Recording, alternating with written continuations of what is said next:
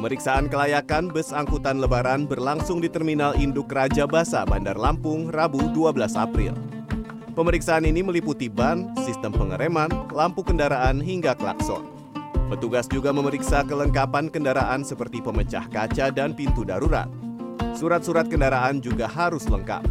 Bus yang tidak lulus uji kelayakan dilarang beroperasi sebagai kendaraan angkutan lebaran.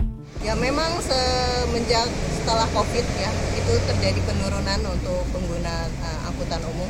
Tetapi terus tetap kita harus antisipasi bahwa uh, tidak mungkin tidak ada masyarakat tetap pasti masih menggunakan uh, angkutan umum. Uh, dari kendaraan AKDP sendiri didata dari bidang lalu lintas itu ada 300-an kendaraan yang memiliki uh, izin. Nah, itu semua kita upayakan kita cek sampai untuk menjamin kelancaran mudik lebaran, Kepolisian Daerah Lampung membuka posko terpadu dan posko keamanan.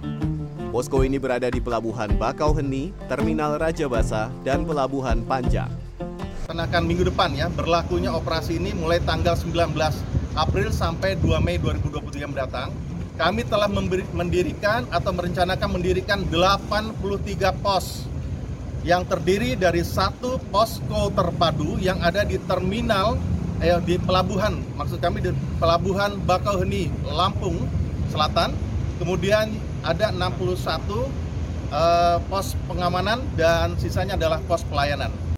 Bidang kedokteran dan kesehatan Polda Lampung melakukan pemeriksaan kesehatan para awak bus secara berkala untuk memastikan tidak ada kendala selama angkutan lebaran mendatang. Sugianto, Andi Surahman, Lampung.